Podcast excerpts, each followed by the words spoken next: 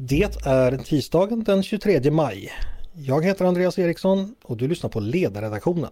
En podd från Svenska Dagbladet.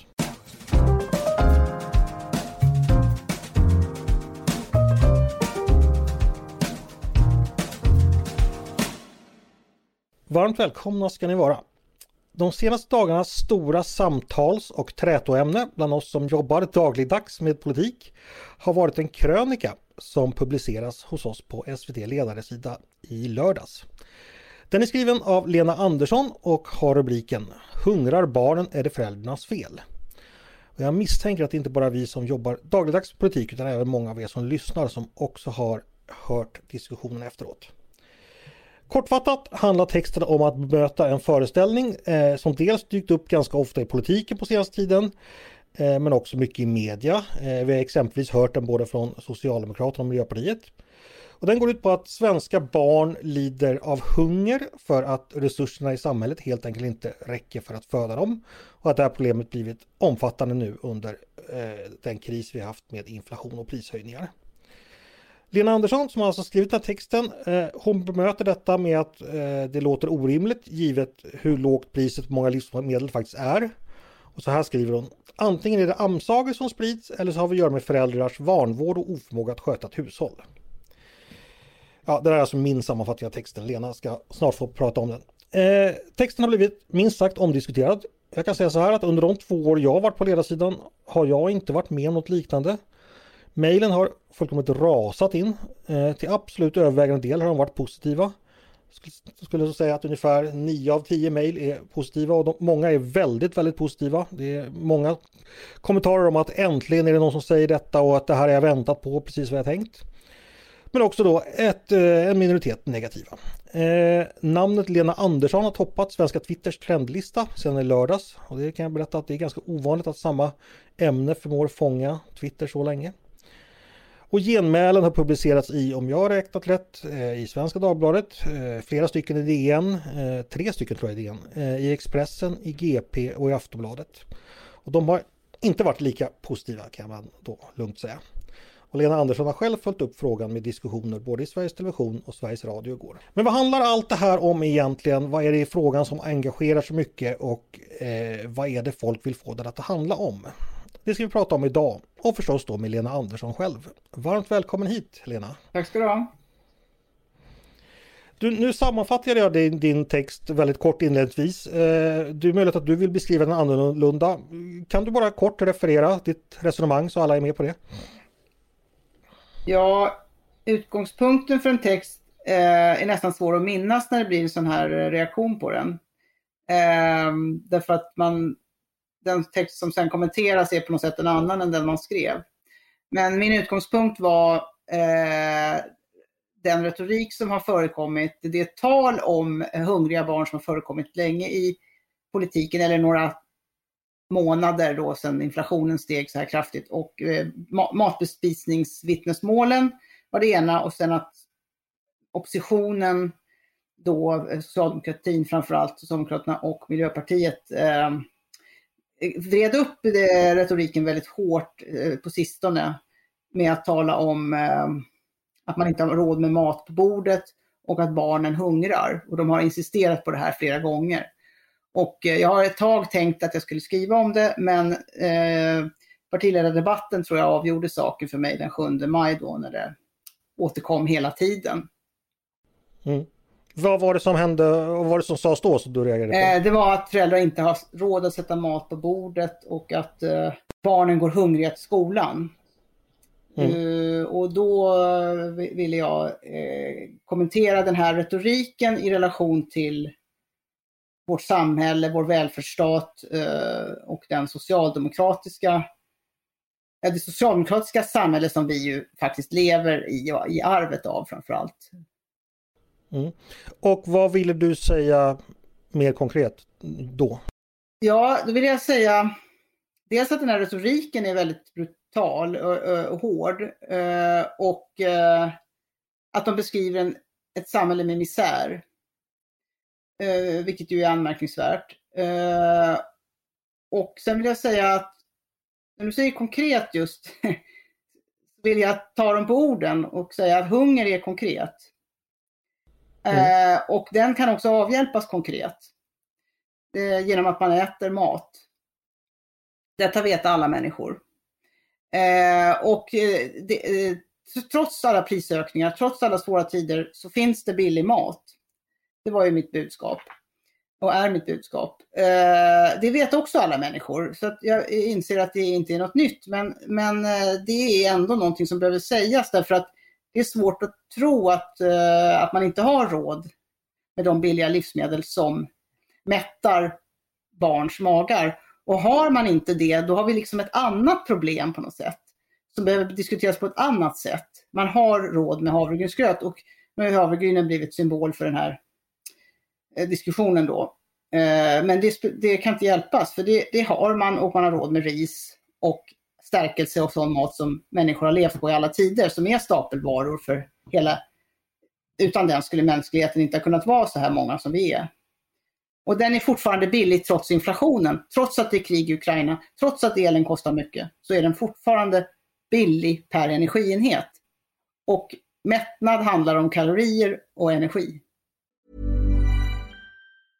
Hej, jag Ryan Reynolds. Recently, I asked Mint Mobiles legal team if big wireless companies are allowed to raise prices due to inflation. They said yes. And then when I asked if raising prices technically violates those onerous two-year contracts, they said, what the f*** are you talking about, you insane Hollywood ass?"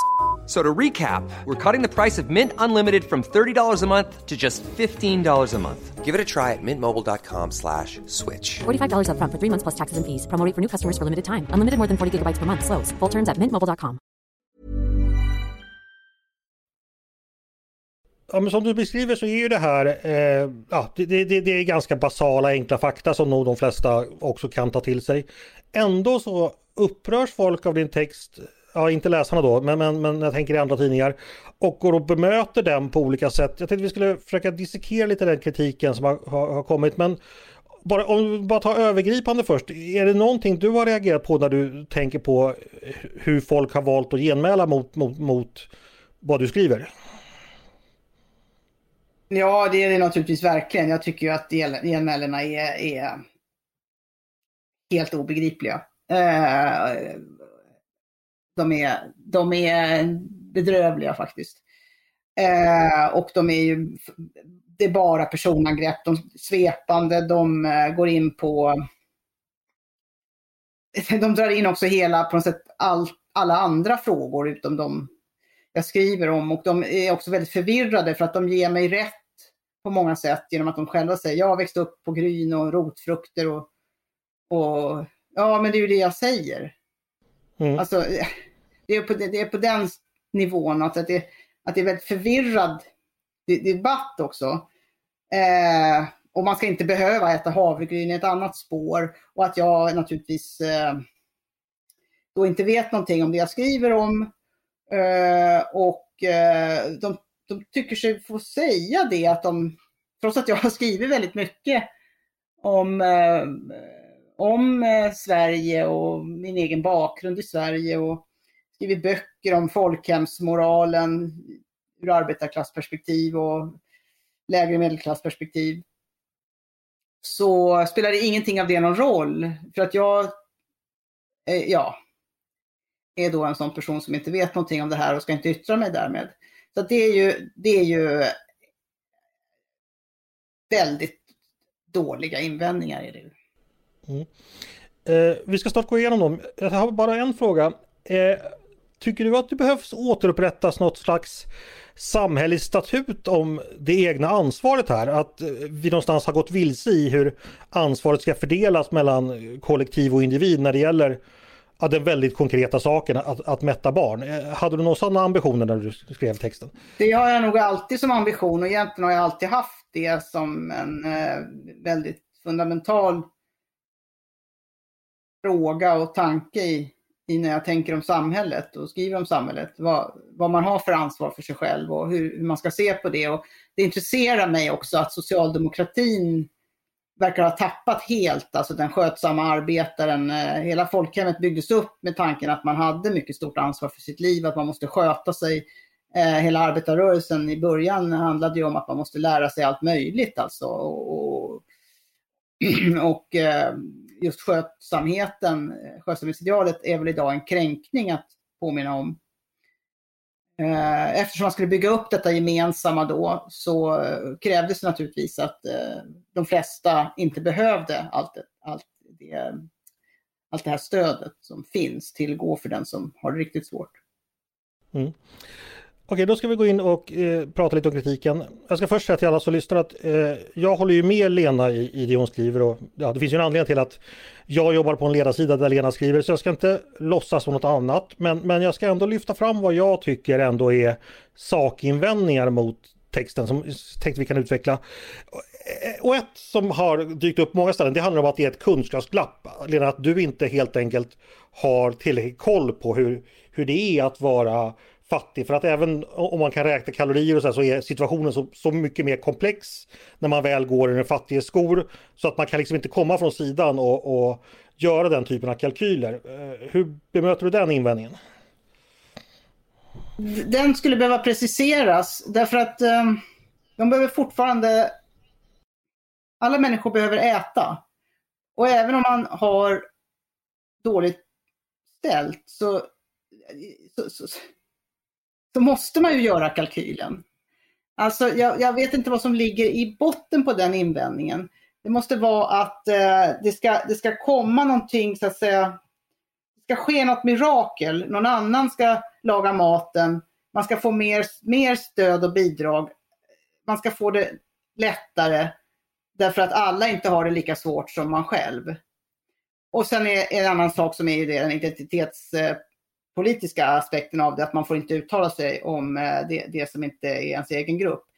Eh, jag har ju mycket, väldigt stor erfarenhet av eh, att tänka på, på mat och kommer från en familj där det var självklart att man måste fundera på vad maten kostar. Det, är, alltså det delar jag med stora delen av svenska, större delen av svenska folket. Det är ju en självklarhet att maten inte fick vara för dyr och på 80-talet och 70-talet var, ju, var ju maten dyrare eh, än nu per, per, så att säga, den var ju väldigt dyr i förhållande till andra kostnader.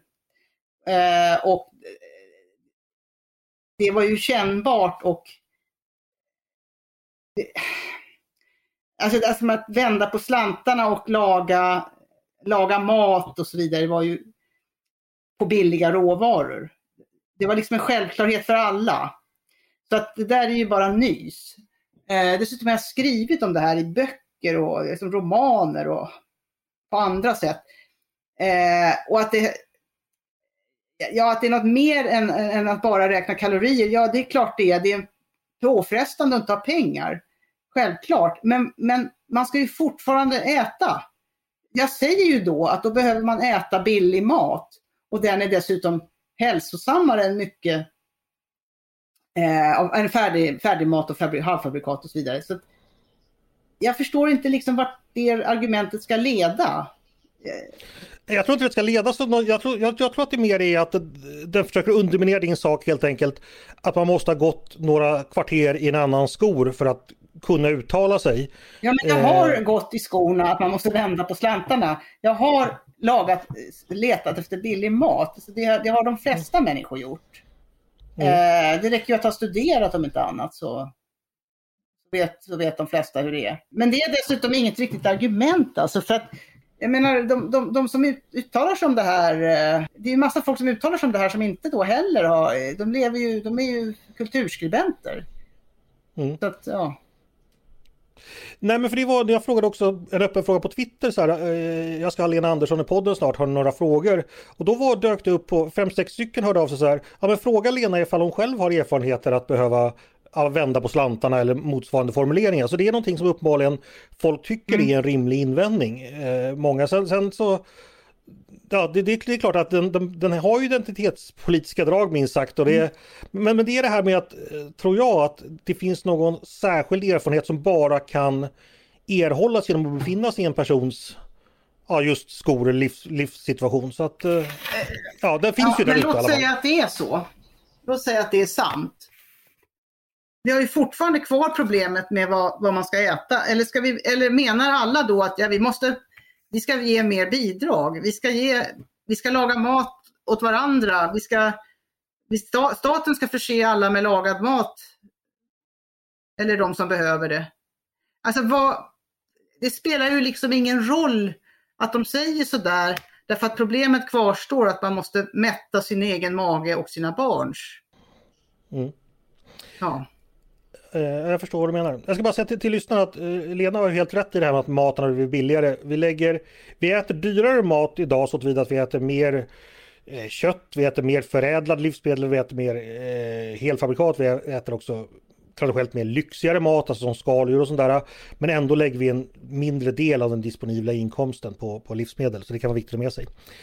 Jag hittade ett annat genmäle då, det var i DN Kultur som Kristina Linkvist skrev. Eh, hon skrev väldigt mycket, men hon hade faktiskt ett par in, invändningar i sak. Det är ju att priserna har faktiskt gått upp på mat samtidigt som andra kostnader har ökat.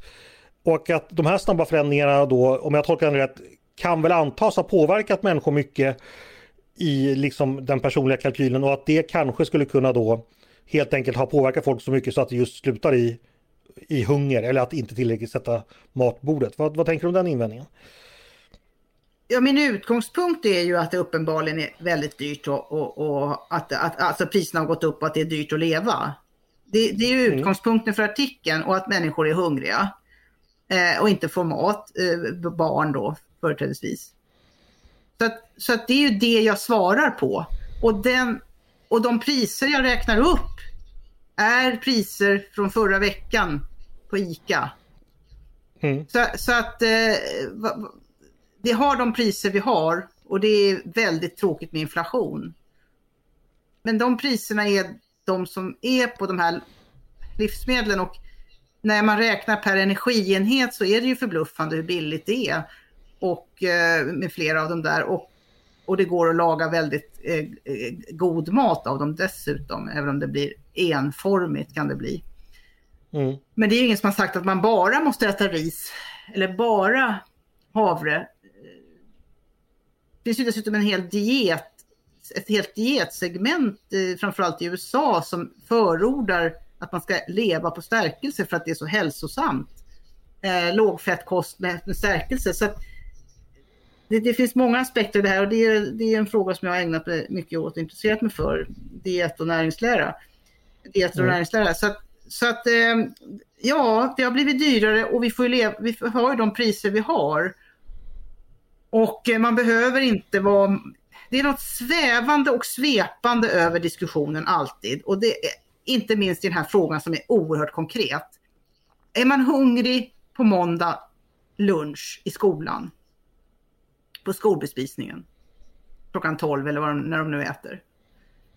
Så, alltså, man är ju inte det om man har ätit frukost på måndag morgon. Då är man ju inte hungrig.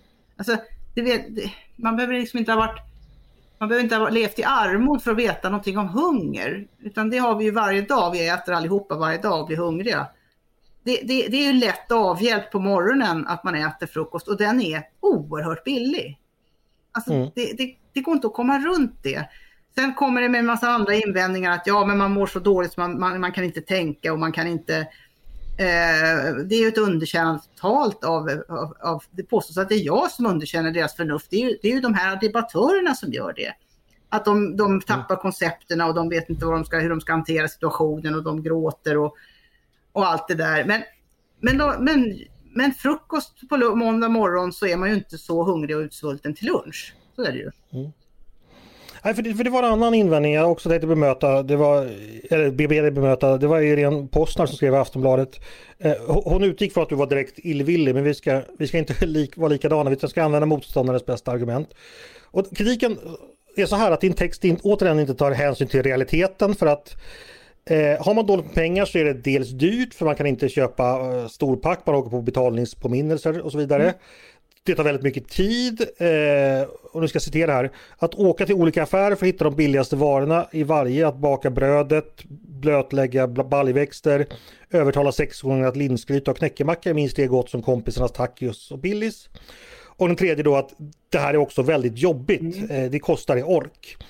Eh, alltså man beskriver då en situation där mycket är väldigt jobbigt för människor och då är den här fattigdomen det kanske som ja, men gör att det blir för mycket helt enkelt. Om jag tolkar på Posan rätt. Vad, vad tänker du om den invändningen?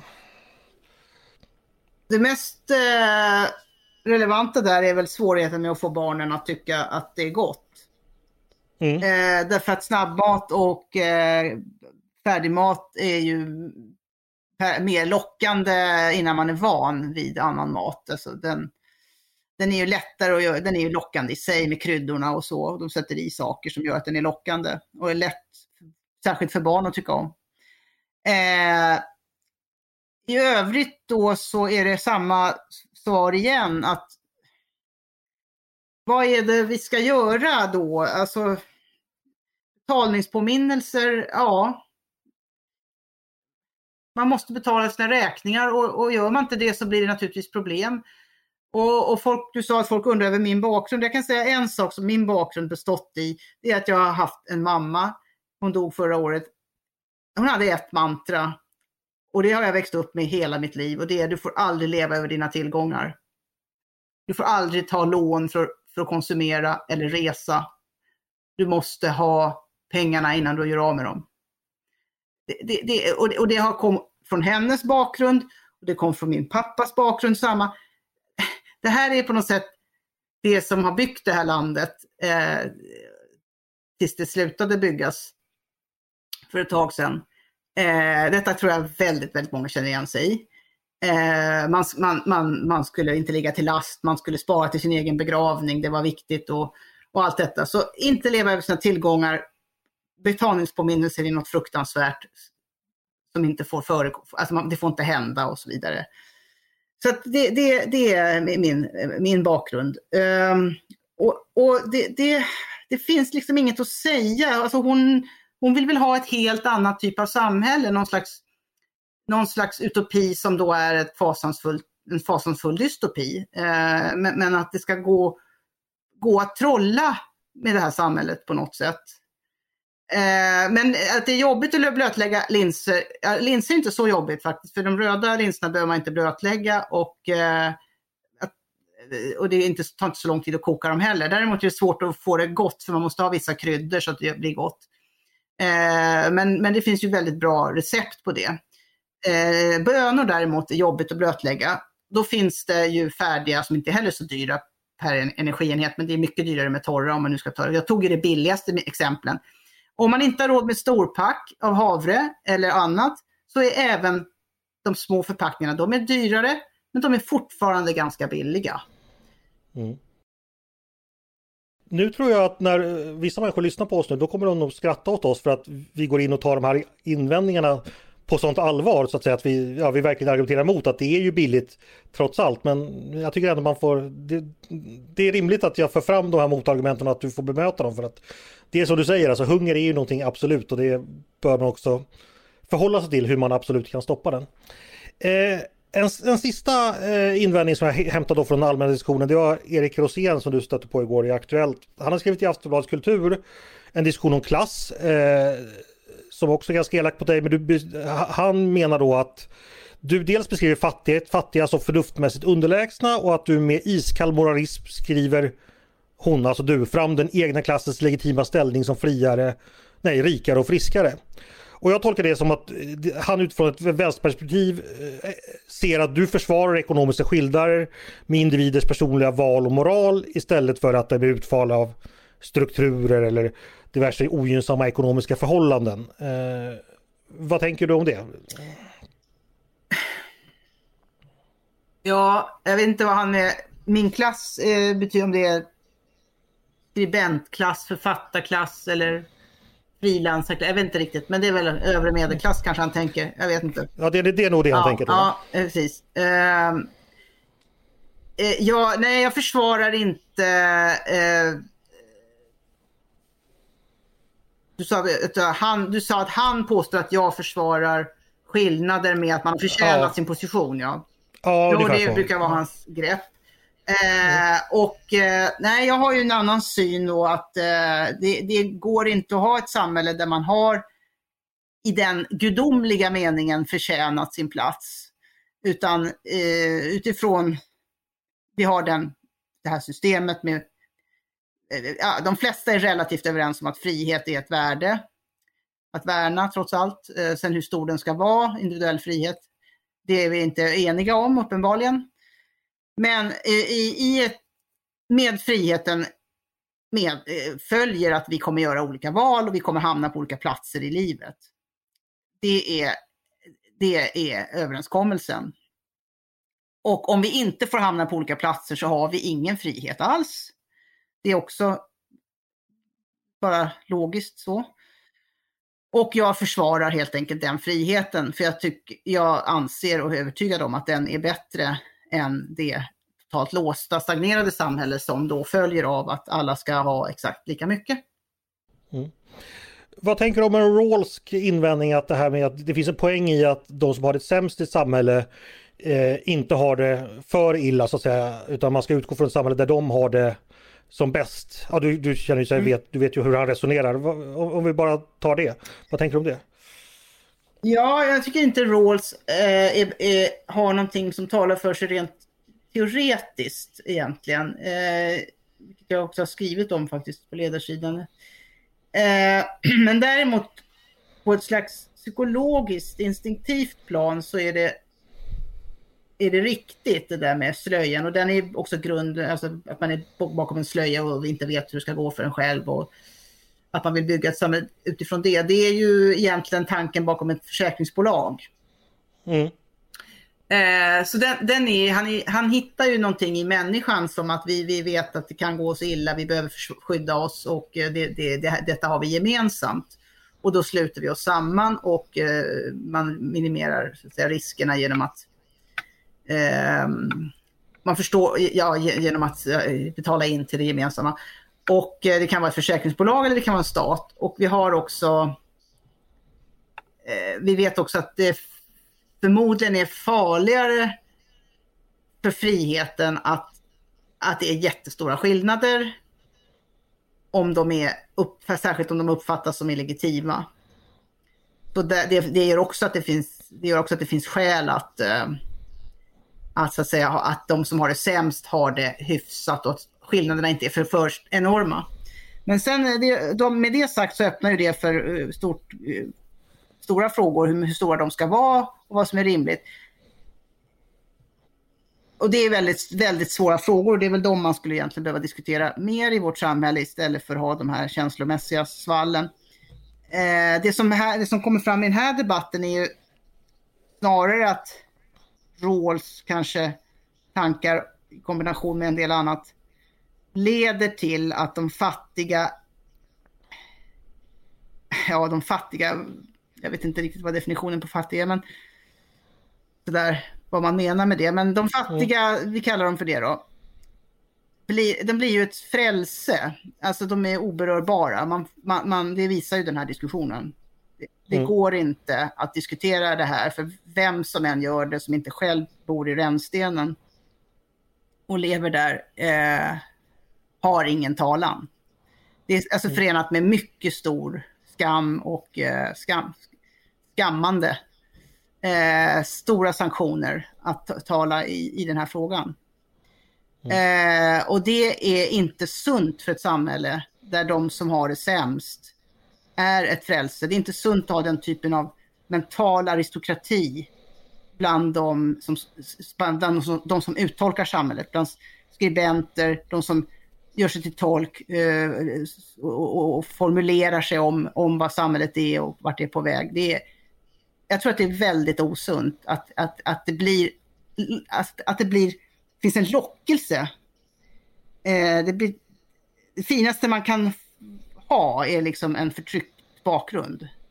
Mm. Eh, då, alltså det är en ren marknadsmekanism. Då söker sig alla till att visa upp sitt förtryck. För då får, man ju, då får man ju tala, då får man en slags eh, andliga privilegier. Det är väldigt mm. dåligt. Jag förstår vad du menar. Eh, du nämnde det här då, vad är fattig? Jag tänkte vi ska ta lite siffror med in i matchen så att vi inte står på, på så lös jord. Eh, det finns ju väldigt många olika sätt att mäta inkomst och ekonomisk standard. Det finns ett mått som heter materiell och social fattigdom eh, och det är bra för det är gemensamt för hela Europa. Och då är det så att eh, man, man, ber folk svara på frågan helt enkelt. Eh, Lena, jag vet att du känner till det här, jag ska bara berätta för, för lyssnarna. Att har du råd med att betala hyran, har du råd med att om en hushållsmaskin eh, förstörs, kan du ersätta den då? Har du råd med ett ordentligt mål mat varje dag och så vidare? Och då är det så att eh, 3% av svenskarna lever i vad som kallas materiell och social fattigdom. Eh, och den är, det är en minskande andel och det är också det lägsta som är uppmätt i hela EU. Eh, alltså Sverige har den lägsta andelen. Så finns det också något som kallas eh, absolut fattigdom och då tittar man på det som kallas låg inkomststandard. Eh, och då är det så att SCB tar fram en schablonsumma som ansvar, anses motsvara typiska levnadsomkostnader som ska räcka till mat och hyra och det viktigaste helt enkelt så tittar man på inkomster, alltså inte självrapporterat utan man tittar på hur många som ligger under då. Och då är det 4,6 procent av svenskarna som lever med sån här låg inkomststandard 2021, vilket är det senaste året. Och det är den lägsta andelen som är rapporterats i en tidsserie som går tillbaks från 1991. Eh, eh, och jag kan säga att det är också så att det är en halvering sedan 2005. Eh, och kollar man historiskt så var det ungefär dubbelt så vanligt att leva på låg inkomststandard 1991, det vill säga före 90-talskrisen. Sen blev det väldigt vanligt under några år. Eh, 1996 var det över 18 procent av svenskarna som levde under det här fattigdomsmåttet.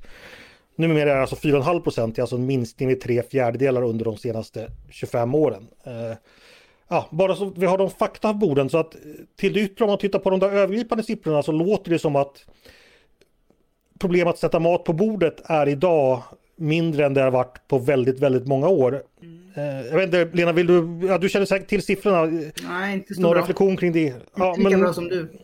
Ja, nej men alltså det, det har minskat, den absoluta fattigdomen har minskat med 75 procent det senaste kvartsseklet. Mm. Eh, så, så, behövde barn äta, äta mer mat i skolan så var det mer aktuellt 1996 eller 2002 eller 2010 mm. än det är idag. Det är väldigt intressanta siffror i det här sammanhanget. Och det borde väl vara det man då kontrar med, eh, för de som säger att vi inte har råd med mat på bordet. Eh, det, men men, men eh, skälet till att man är så uppjagad över det här är ju att, eh, att man är, vi har en diskussion som, där man är mer upp, upptagen av att människor får det för bra. Eh, än, eh, alltså o, o, skillnaderna, skillnaderna som man kallar för ojämlikhet är ju det som vänstern är väldigt upptagen av. Så är det ju. Sen ska jag också säga att vi vet ju inte hur dagens kostnadskris har påverkat hushållen. Det kommer inte vi få veta förrän någon gång 2025 Nej, kanske. Man men man kanske, man kanske ska spara lite för dåliga tider. Ja. Alltså om man nu har fått det så mycket bättre som du beskriver här.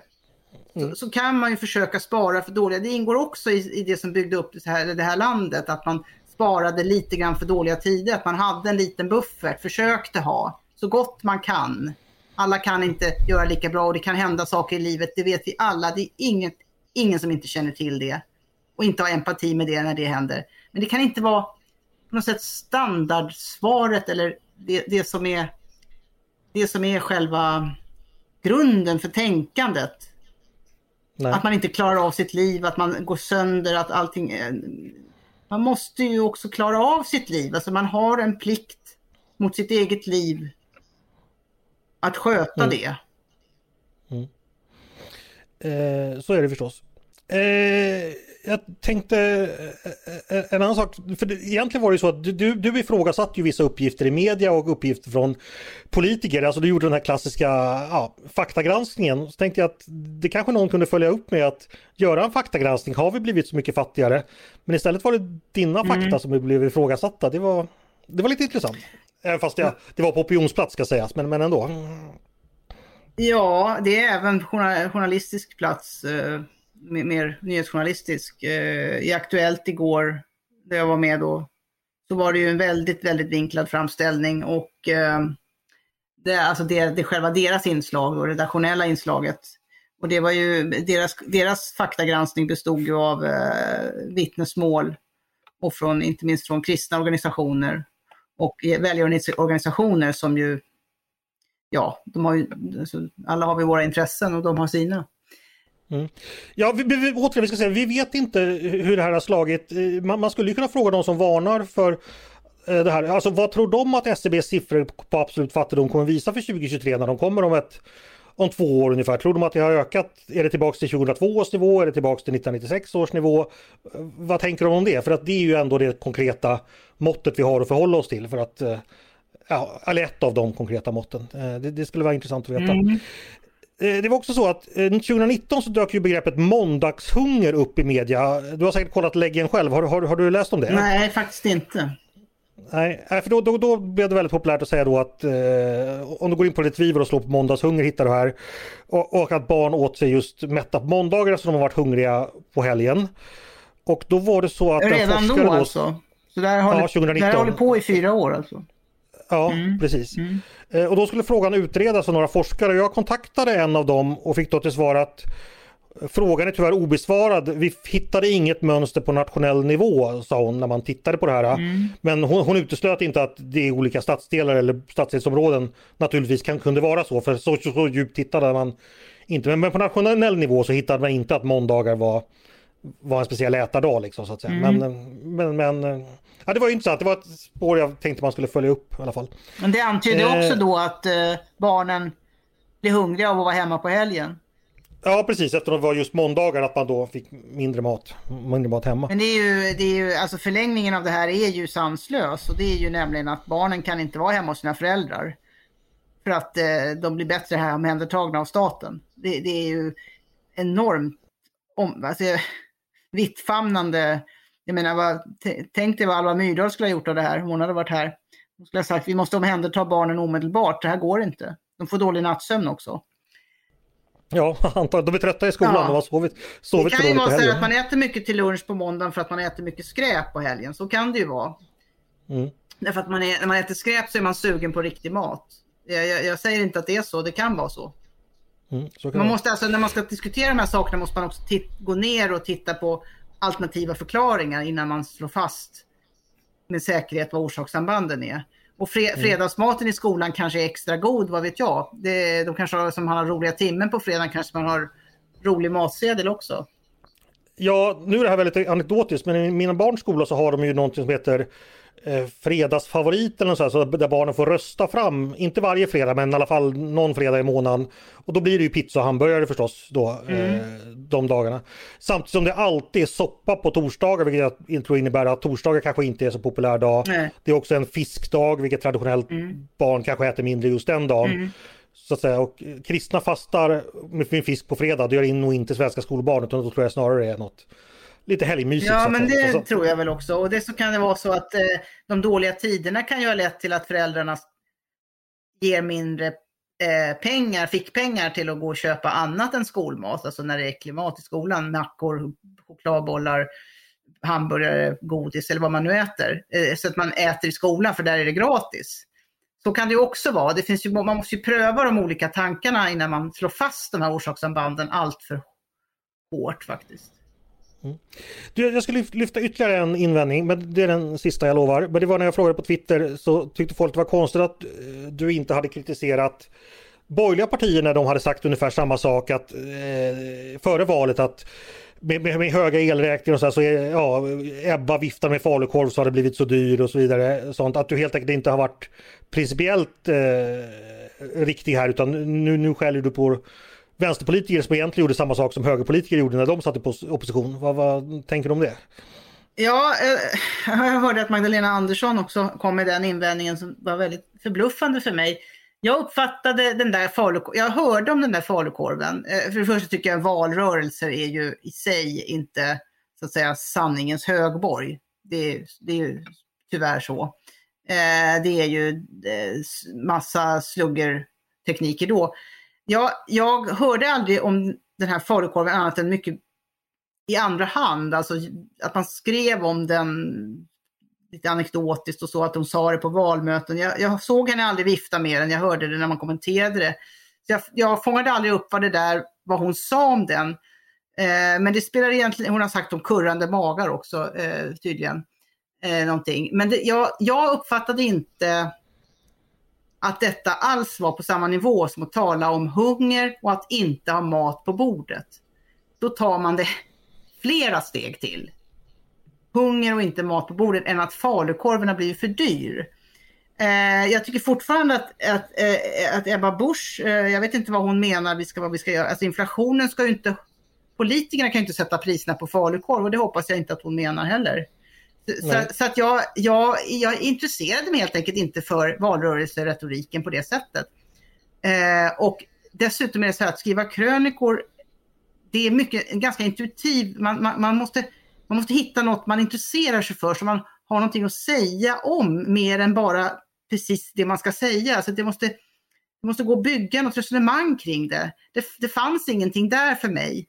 Jag, jag, är, jag är inte ett dugg eh, intresserade av Kristdemokraterna så att säga, att för, skydda dem eller försvara dem. De, de är inget parti som är, är, är mitt parti alls.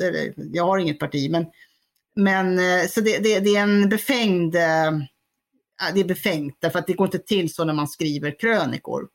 Däremot är jag oerhört intresserad, jag är särskilt intresserad av socialdemokratin Sverige och det socialdemokratiska samhällsbygget och det har jag skrivit flera böcker om. Så att de får ursäkta att jag, jag intresserar mig särskilt mycket för det. Och, och det här tycker jag var en eh, intressant aspekt av det. Jag, jag, tänker om man utvidgar den frågan, och, ja, då gäller det ju inte ditt resonemang längre, men det har ju varit påfallande så att, så att säga, medelklassens ekonomiska problem i form av bolåneräntor och, och elräkningar och så har ju fått ganska stor uppmärksamhet från politikerna ändå på ett sätt, och även från borgerliga politiker på ett sätt som jag inte riktigt uppfattar att alla samhällsgrupper får. Så, så där eh, får jag nog ändå ge en kritiker rätt gentemot borgerliga politiker i alla fall. Att den, där kanske det har varit lite snedfördelat. Jag vet inte om du delar den iakttagelsen men men ja, jag skulle, någonstans... Jo, det är ett väldigt tjatande om, eh, om det här med alla elräkningar och allt allting. Mm. Men det, det, är inte riktigt samma sak kanske. Alltså att diskutera skatter och avgifter så är inte riktigt samma sak som att diskutera bidrag. Men, men eh, okej, okay. vad det handlar om i grunden är ju att alla har vant sig vid att staten ska hjälpa en hela tiden. Så att de borgerliga har ju gått med på den idén. Att så fort man får påfrestningar och problem så är det någon annan som ska hjälpa till och det är staten. Och då ska man, politikerna ska, ska ge någonting. Eh, och det kanske ja, är rimligare om de har tagit in väldigt mycket dubbelbeskattning eller extra moms och sånt där. Då kan man ju, kanske finns skäl att diskutera det på ett annat sätt. Men de, det är helt enkelt det vi alla fångar i denna tanke att blir det jobbigt så ropar man på politikerna. Mm. Eh, ytterligare en sak som jag har reflekterat över. Det är en självklarhet för kommunen att erbjuda konsumentrådgivning där också hushållsbudget och inköpstips finns med. Det skrivs ofta i tidningar att så, så köper du billigaste maten. Eh, alla barn har hem och konsumentkunskap i skolan. Mm. Det finns faktiskt kvar kan jag berätta för er som gick i skolan för länge sedan. Det finns, ja, en, ja jag vet inte om din, dina råd som är hem och konsumentkunskap, de upprör väldigt mycket. Har, är det för att de kommer från fel håll eller vad tror du? Det brukar vara någonting med tonen eller hur man skriver, alltså hur, hur man formulerar sig när det blir upprördhet. Ehm, det finns säkert något svar där. Eh, sen tror jag det är att man inte riktigt känner till det där kanske. Man är inte upprörd över det för att ja, det är inget som står i tidningen. Ja, du, du mm. nämnde priser på mat, absolut. Men, men det, det, har nog att göra med formuleringen. Men det, det, har ju också varit så här att det har varit en otrolig kritik senare decennier mot att tala om för någon att någonting är rätt och mera rätt än något annat. Särskilt om den gruppen klassas som maktlös. Eh, det där är ju, det var ju en, en maktkritik i detta och en slags eh, etnocentrismkritik och allt vad det var. Det var kulturrelativism och det var en, en hel eh, ett, det var en helt kluster, ett helt kluster av idéer och teorier som, som det fanns skäl att säkert eh, anamma på vissa sätt. Det fanns säkert någon, något legitimt i det där, men jag tror samtidigt att det är skadligt att det är, inte går att diskutera hur man ska leva sitt liv. I ett sådant samhälle tror jag inte blir bra. Att, att det är en förbjuden fråga. Därför det, det, det, det, ska alla få välja själva helt och det får de ju. Det är bara det att man, så fort man lever på andras pengar eller på varandras pengar så blir det ju en fråga för alla andra. Och är man i ett samhälle så är det en naturlig diskussion att ha. Men det var, i, I antiken så var det det filosofi gick ut på. Det var frågan hur, hur lever man ett gott liv? Hur når man ett gott liv? Och det är väldigt märkligt att, att den bildade medelklassen, kulturklassen, de som kulturskribenter ständigt läser böcker Det är väl för att förkovra sig förmodar jag. Men man, man får förkovra genom vad andra har tänkt. Men, men de här de fattiga då, eller de här som vi talar om här, de som Eh, utstötta och, allt vad det kallas. De behöver tydligen inte det. De ska inte behöva höra någonting. Eh, jag ska ta ytterligare lite mellanspel. Eh, det här är ju inte en ny diskussion. Jag tittade i lägen innan och då hittade jag en artikel från 1995. Eh, då lät det så här. I krisens Sverige är skolmaten allt viktigare för många barn. Allt fler unga äter allt mer i bamba. Ja, det var alltså Göteborgs-Posten som hade skrivit det här. Eh, och gnället på maten har nästan upphört. Eh, på höstterminen brukar skolmåltiderna ha strykande åtgång, men denna höst 1995 verkar det vara mer populära än någonsin. En förklaring till ungas ökade aptit kan vara att många familjer fått sämre ekonomi och barnen måste ta vara på den mat som bjuds i skolan. Föräldrar har antagligen satt till sina barn att de ska äta ordentligt i skolan, tror Berit Larsson som är husmor på Johannebergsskolan i Göteborg. Det står också så här att skolmaten är ofta det enda lagade mål många barn får på hela dagen. Vi har pratat om det här på skolan och jag tror ungefär 70% av barnen inte äter någon middag när de kommer hem, säger husmor Marianne Alexandersson på Brattebergsskolan på Öckerö. Eh, ja, det är 28 år tillbaka i tiden där, men då fanns samma diskussion, inte riktigt med samma upprördhet, men, men att man då, skolan helt iskallt konstaterade att många barn inte åt alls när de kom hem. Någon reflektion över det här tidsdokumentet? Alltså lagad mat, eh, ja det är jätteintressant och eh, i, i min barndom var det ju samma diskussion. Eh, eller samma oro så att säga för mm. barnens välbefinnande naturligtvis. Och um, på 80-talet och framförallt 70-80-talet. Eh, när man säger att de inte äter när de kommer hem betyder att de inte äter en lagad måltid. Nej, man kanske äter mackor. Ja, mackor och annat äter man väl. Mm. Mm. Alltså, hunger är en oerhörd kraft.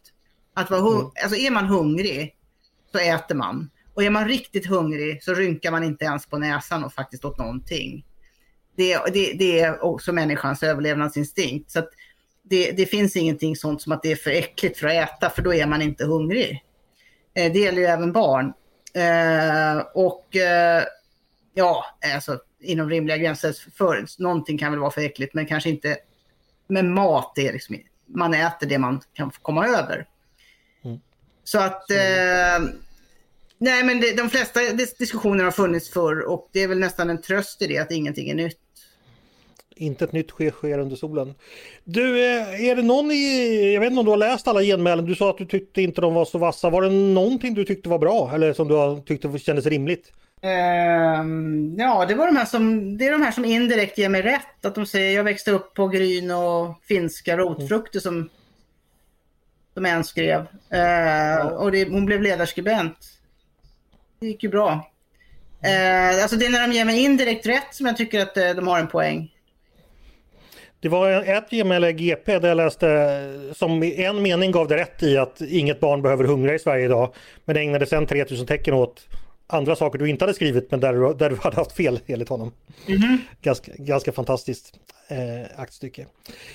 Eh, jaha, vad tror vi om fortsättningen då? Tror du att vi kommer få höra mer från politikerna eh, om att, eh, ja, är det här liksom någonting som sätter sig i den politiska debatten? Att, att det är så här det är i Sverige? Jag tror att en, eh, en, ett skäl till att jag skriver den här typen av artiklar är att jag blir så förvånad över samhällsdebatten hela tiden. Alltså jag, den, den, den, jag, den förundrar mig så mycket, jag förstår den inte riktigt. Så att eh, jag är därför sällsynt dåligt skickad att förutsäga någonting för att jag, dess logik eh,